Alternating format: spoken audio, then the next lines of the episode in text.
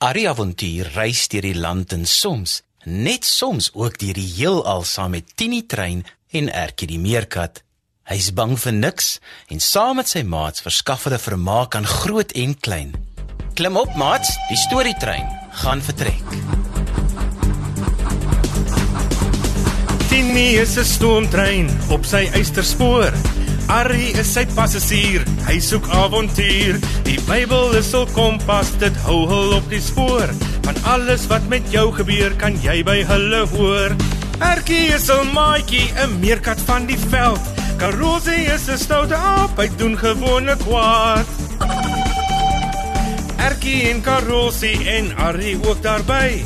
Is almal net so spesiaal, so spesiaal soos jy. Kom nou maat skuif nader, luister bietjie daar. Is dit dalk die Tini trein wat ek daar gewaar?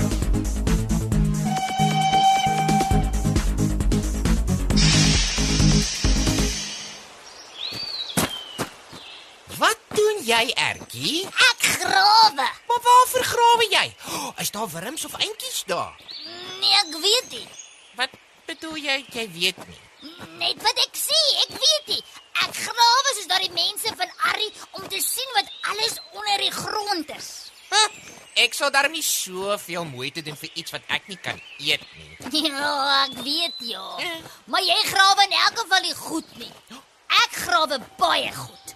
Ek grawe beter as daardie mense. As hulle my laat help het, was hulle al klaar. Hulle vat so lank by daardie kwassies wat hulle gebruik. Hoekom grawe hulle met kwassies? Ah, hallo julle. Goeieste. Ertjie, maar jy's besig vandag. Hallo Arrie. Ja, sy's al van son op af aan die gang. Kyk net al die hoopie sand en gate oral en sy weet nie eens waarvoor sy grawe nie. Hallo Arrie. Ek probeer ook om iets belangriks te ontdek soos julle grondgrawers. Praat jy van die argeoloog Ertjie? Ja, ja, ja, daardie woord argeoloog. Ja, net so. Ek dink ek gaan gouer iets ontdek want ek grawe baie vinniger. As hulle aanhou met die kwassies te probeer grawe, gaan hulle nooit iets kry nie. Hulle moet versigtig en stadig werk, Ertjie. Huh? Ja, daarom gebruik hulle die kwaste en ander spesiale gereedskap sodat hulle nie iets beskadig terwyl hulle daarvoor soek nie. Maar hoe weet hulle as hulle iets belangriks ontdek het, Arrie?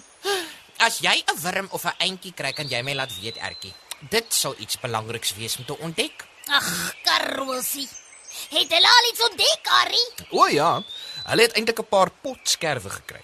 So ten minste weet hulle dat hulle op 'n plek is waar hulle moontlik nog artefakte sal kry. Wat wat wat is art artefakte? Arrie, Artefakte is dinge van baie lank gelede wat deur mense gemaak is.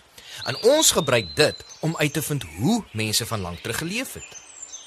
Het het mense al artefakte uit Jesus se tyd gekry, Arrie? Ja, heelwat karosie. Een van hierdie opgrawings waaroor ek nogal opgewonde was, was een wat in Junie 2015 'n huis met 'n bad en teels en 'n parskyp opgelewer het. Die argeoloog het dit op pad na Jerusalem ontdek onder 'n ou weeshuis. hm? wat is 'n parskuip? Ah, mense het dit gebruik om druiwe se sap mee uit te druk of te pers. Ooh, is dit daardie donker druiwe, Arrie? Want dit lyk asof dit mense mond pers kan laat lyk as mens baie daarvan eet. Ja, en nee, Ertjie. Die pers waarvan ek praat, is 'n ander woord vir druk. Hulle het die sap uit die druiwe gedruk, maar 'n mens sê hulle het dit met die pars uitgepers. Hoekom raak 'n mens opgewonde daaroor, Arrie?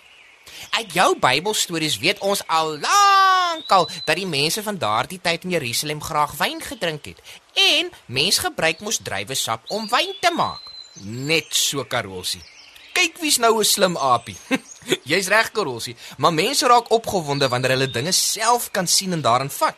Ons noem dit bewyse.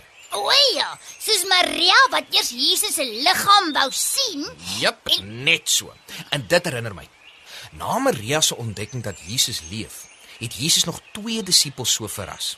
In die middag na Jesus se opstanding was twee van die disippels van Jerusalem op pad na 'n dorpie met die naam Emmaus. Dit was omtrent so 20 km van Jerusalem af. So as hulle na die dorpie toe moes stap, sou hulle seker die hele middag tot die aand toe stap om daar te kom, né, Arrie? Hm, tipies. Probeer nou weer windgat wees oor sy beter doen met haar somme as ek, net omdat jy gesê het ek is slim. jy's reg, Ertjie. Karosie, ek dink jy's dalk nou 'n bietjie fyngevoelig. Nou maar goed. Wat het met die disippels gebeur, Arrie? Terwyl hulle gestap het, het hulle hartseer gesels oor alles wat die vorige paar dae gebeur het. Met Jesus se dood en alles, né, Arrie? Net so ja. En toe kom daar 'n vreemdeling aan en begin saam met hulle stap en gesels. Seker 'n Romeinse spioen wat wil uitvind of hulle weet waar Jesus is. Nee nee, ek weet, ek weet. Wat? Dis net soos met Maria, die vreemdeling was Jesus. Maar hulle was nie besig om te huil soos Maria nie. Hulle kon hom mooi sien. Hoekom het hulle dan hom nie herken nie? Hæ? toe nou julle bedaar en luister. Hy het hulle gevra waarom hulle so hartseer is. Hulle het gevra of hy dan nou net eers in Jerusalem en die omgewing aangekom het, dat hy dan nie weet wat gebeur het nie. Het hulle hom te vertel wat gebeur het, Arrie? As dit Jesus was, moes dit seker boring gewees het. Hy het mos klaar geweet. Dit het dan alles met hom gebeur. Ja, Erkie, hulle het. Karosie, miskien is jy so bietjie reg. Jesus het hulle geantwoord. O, julle onverstandiges wat so onwillig is om te glo wat die profete voorspel het. Was dit dan nie vir die Christus nodig om hierdie dinge te ly en in sy heerlikheid in te gaan nie? Ek sê mos, hoor daar, Jesus klink 'n bietjie vies. Hmm, miskien meer teleurgesteld as vies. Jesus wou graag hê dat die disippels moes besef hoeveel krag daar in hul geloof kan wees. Toe hulle naby die dorpie Emmaus gekom het, het hulle aan Jesus gesê dat hulle dink hy liewer by hulle moet bly omdat dit al amper aand was en hy vreemd is en dit waarskynlik veiliger sou wees vir hom om by hulle te wees. En het hulle nog steeds nie gesien wie hy is nie, Arrie? Nou wat hy gesê het. Net so. En het hy by hulle gebly, Arrie, of was hy te vies? Ek dink nie hy was vies nie, Ertjie. Hy het saam met hulle gegaan, ja. Hy het aan tafel gaan sit.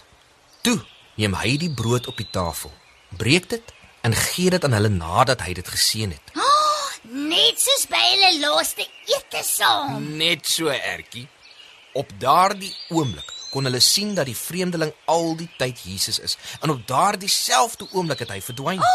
Sjoekas, hulle was seker bang en opgewonde te gelyketyd. Mm, ek dink jy's reg, Ertjie. Hulle kon nie verstaan hoe hulle hom dan nie dadelik kon herken nie. Hulle wou nie langer in Emmaus bly nie. Hulle wou so gou as moontlik die ander disippels gaan vertel. Al was dit reeds laat, het hulle sommer dadelik na Jerusalem teruggegaan en hul vriende almal saam in 'n kamer gekry.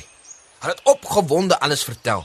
En terwyl hulle nog gepraat het, het Jesus skielik tussen hulle gestaan en hulle gegroet met die woorde: "Vrede vir julle." Almal aan boord. Wag, wag. Julle kan nie nou gaan nie. Almal hom nou herken? Hoe kan hy se heeltyd verskyn en verdwyn? Jammer, oudjies. Dis tyd om te gaan, maar ek beloof ons is gou weer terug. Vrede vir julle. Tini is 'n stoomtrein op sy eysterspoor. Arrie is sy passasier, hy soek avontuur. Die Bybel is hul kompas, dit hou hul op die spoor. Van alles wat met jou gebeur, kan jy by hulle hoor. Erkie is 'n maatjie, 'n meerkat van die veld. Karosie is 'n stoute aap, hy doen gewone kwaad. Erkie en Karosie en Arrie ook daarby is almal net so spesiaal, so spesiaal soos jy. Kom nou maat skuif nader, luister bietjie daar. Is dit dalk die Tini trein wat ek daar gewaar? Die avonture van en Erkie is geskryf deur Elsie Stander. Dit word opgevoer onder spelleiding van Lazelle de Bruin, tegnies versorg deur Neil Roo en vervaar deur Worldwide Media.